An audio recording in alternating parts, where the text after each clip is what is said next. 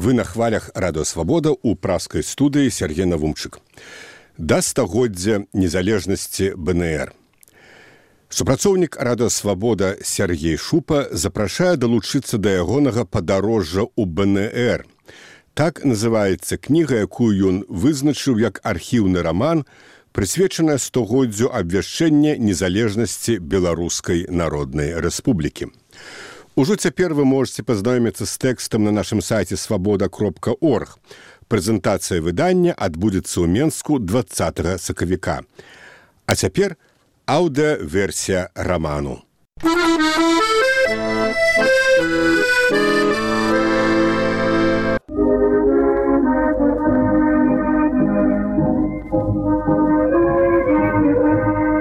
Падарожжа ў БНР з Сергеем Шупам.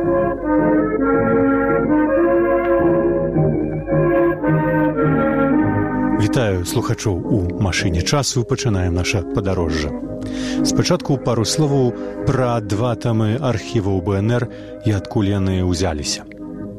Неяк зімою на пачатку 90-х да мяне ў хату на віленскім антокалі, дзе я тады жыў, завітаў адзін менскі знаёмец літаратуразнаўца з архіўнымі схільнасцямі і агалоўмшыў мяне сенсацыяй ён знайшоў у літоўскім дзяржаўным архіве перапіску паміж двума найстрашнейшымі ворагамі ў беларускім свеце антонам луцкевічам і вацлавам ластоўскім.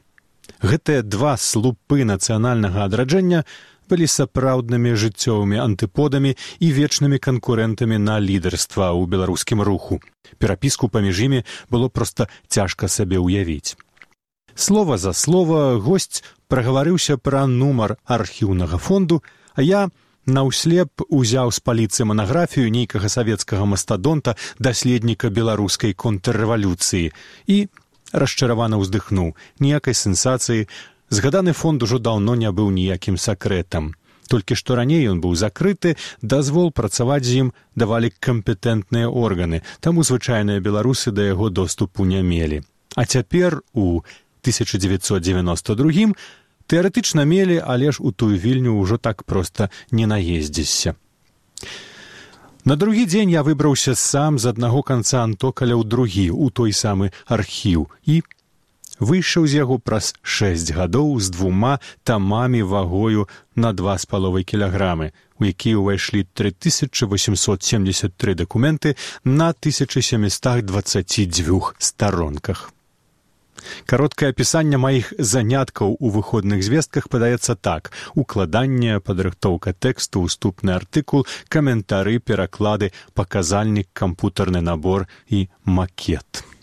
Выданне арганізаваў нью-йоркскі беларускі інстытут навукі і мастацтва на чале з яго бяззменным дырэктарам вітаўтам кіпелем. Макет падрыхтавалі калегі з віленскага таварыства беларускага пісьменства а з друкам дапамаглі знаёмыя з элітнага віленскага выдавецтва балтос ланкос. Так мне давялося пабыць гісторыкам і нават трапіць у энцыкляпедыю і бібліяграфію універсітэцкіх курсаў А вось перапіскі луцкевіча і ластоўскага там ніякай і не было. Это тупы энкавыдысцкі архівіст так назваў адну са справаў фонду, не разабраўшыся як след у адрасатах і адрасантах. Віленская частка архіваў БНР гэта 135 справаў у двух вопісах, 135 тэчак рознай таўшчыні і глыбіні, апрацаваныя архівістамі савецкіх спецслужбаў у канцы 1940х гадоў.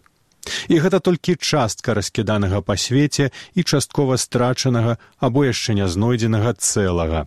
Прыблізна гэткая самая паводле аб'ёму частка захоўваецца ў Мску.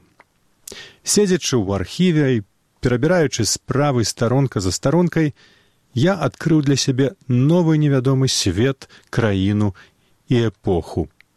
Найбольш мяне ўразіла тое, што беларуская народная рэспубліка была зусім не такою, якія выстаўлялі савецкія гісторыкі і прапагандысты, але і не зусім такою, як яе бачылі прыхільнікі ідэі БНР, пераважна ў эміграцыі. І адны і другія лічылі яе буржуазна-нацыяналістычнай пасутнасці, толькі першыя яе за гэта ганілі, а другія хвалілі. А насамрэч яна такім спрошчаным дэфініцыям не падлягае.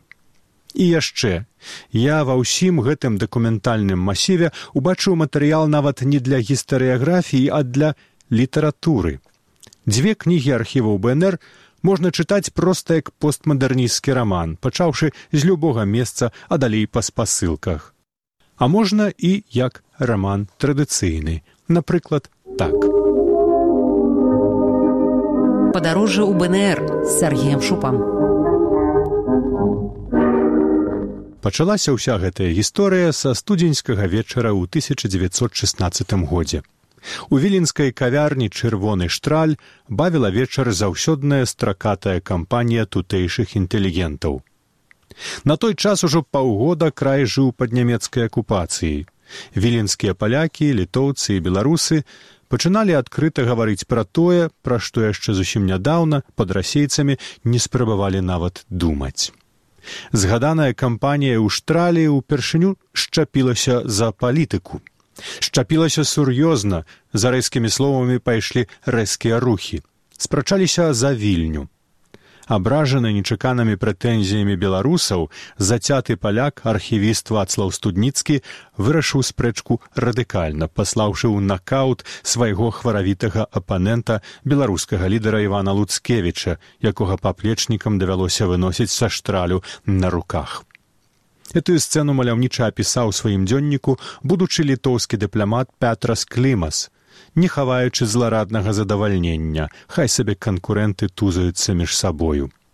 Клімас, аднак не ведаў, што гэты інцыдэнт быў адным з першых імпульсаў, які падштурхнуў Івана і Антона Луцкевічаў, тагачасных правадыроў беларускага палітычнага руху да выхаду на новы палітычны шлях. Ці ёсць сэнс марыць пра вялікія княствы і рэчы паспалітыя з такімі прагнымі і падступнымі хаўруснікамі. Незалежнасць толькі незалежнасць. Ад таго часу падзеі пачалі развівацца штораз хутчэй. Сталіцай беларускага руху ў 1917 упершыню і канчаткова зрабіўся Менск.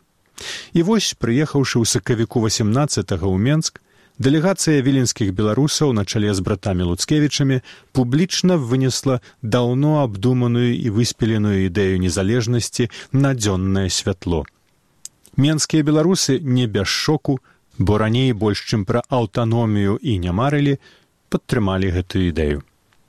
І хоць беларуская народная рэспубліка захоўвала рэальны кантроль на рэальнай тэрыторыі зусім нядоўга ужо і гэтага было дастаткова каб сон палітыкаў культурнікаў стаўся явай наступствы тых здавалася б на пачатку зусім незаўважных эфемерных выпадковых падзеяў мы бачым сёння на карце Еўропы. Падзеі першай сусветнай вайны, якая ў Беларусі працягвалася амаль сем гадоў найдаўжэй у свеце, не пакінулі БНР шанцаў на спакойнае жыццё. Сталіца, сядзіба кіраўніцтва з Менску перасунулася ў вільню, пасля ў горадню, адтуль у Берлін, рыгу, коўна, прагу, парыж, адтуль і на агул за акіян, дзе застаецца і цяпер.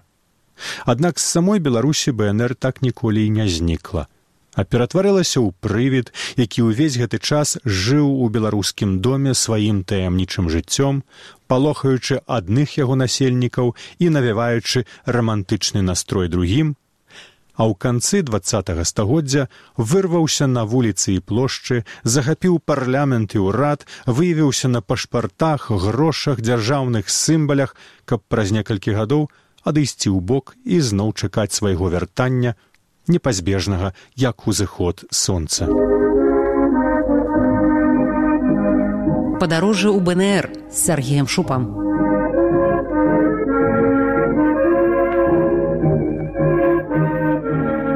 Пачаткі беларускага нацыянальнага варушэння ў Менску ў архівах БНР натуральна не зафіксаваныя але з пачаткамі заўсёды так. Усё пачынаецца нашмат раней чым пачынаецца. Але тут не будзем згадваць старажытны полацак вялікае княства літоўскае ці першую сусветную вайну а перанясемся ў часе роўна на год раней за дату абвяшчэння незалежнасці бнр 25 сакавіка 18 -го году. Вось жа 25 сакавіка 1917 у менску Усё беларускае, што толькі магло знайсціся, сабралася на з'езд беларускіх нацыянальных арганізацыяў. У авангардзе гэтай падзеі быў менскі беларускі нацыянальны камітэт, у які адразу пасля расійскай лютаўскай рэвалюцыі перайменаваў сябе менскі аддзел беларускага таварыства дапамогі пацярпелым ад вайны. З'езд вітаў часовы ўрад рассіі і выказаўся ўпершыню за аўтаномію беларусі ў складзе дэмакратычнай рассіі. На з'ездзе быў створаны орган палітычнага прадстаўніцтва беларускага руху беларускі нацыянальны камітэт на чале з буйным землеўласнікам раманам з кірмунтам. Аднак бальшыню сяброў камітэту склалі прадстаўнікі беларускай сацыялістычнай грамады. З кірмунта паслалі ў петраград дамаўляцца з расейцамі аб аўтаноміі, але ні пра што дамовіцца не ўдалося. У ліпені ў Менску на з'ездзе беларускіх арганізацыяў і партыяў левыя адсунулі правых у бок і абралі новы прадстаўнічы орган цэнтральную раду беларускіх арганізацыяў на чале з выканкамам, дзе ўжо вялі рэй дзеячы беларускай сацыялістычнай грамады. Важна зазначыць, што ў тыя першыя месяцы вясной і летам 1917 у Менску, будучай сталіцы Беларусі, упершыню ў публічную прастору уварвалася беларуская мова. Яна гучала на сходах і мітынгах, на ёй друкаваліся ўлёткі і адозвы, а ў траўні пачала выходзіць першая ў Менску беларуская газета вольная Беларусь. Першая сесія цэнтральнай рады беларускіх арганізацыяў 5 жніўня 17 распачалася спрэчкамі аб мове. Абраны прысутнымі старшыня станіслав петрашкевич узяўшы слова выбачыўся што не знаючы акуратней беларускай мовы будзе гаварыць па-расейску і пайшло паехала першым бараніць моўныя пазіцыі кінуўся нацыянальна сведамы ксёнз александр сак. Запатрабаваўшы каб старшыня пакінуў сваё месца або гаварыў па-беларуску.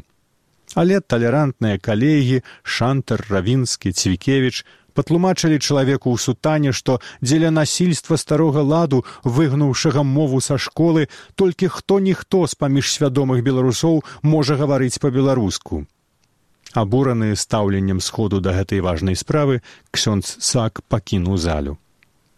Яшчэ адным месцам прабуксоўкі на сесіі сталася пытанне выбару палітычных прыярытэтаў. Тут назіраўся пэўны гендерны дысбалянс спрэчка абышлася без мужчынаў. Правая ванда лявіцкая закінула прамоўцам што яны замала ўвагі звяртаюць на нацыю.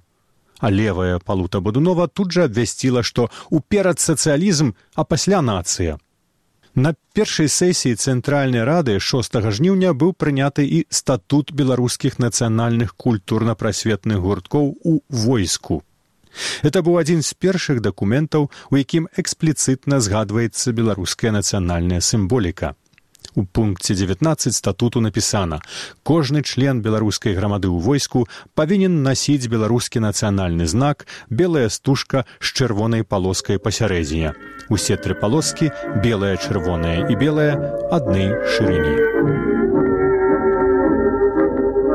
Вы слухалі падкаст радыёвабода. Наступны выпуск праз тыдзень. Усе падкасты свабоды ў інтэрнэце на адрасе свабода кропка орг штодня у любы час у любым месцы.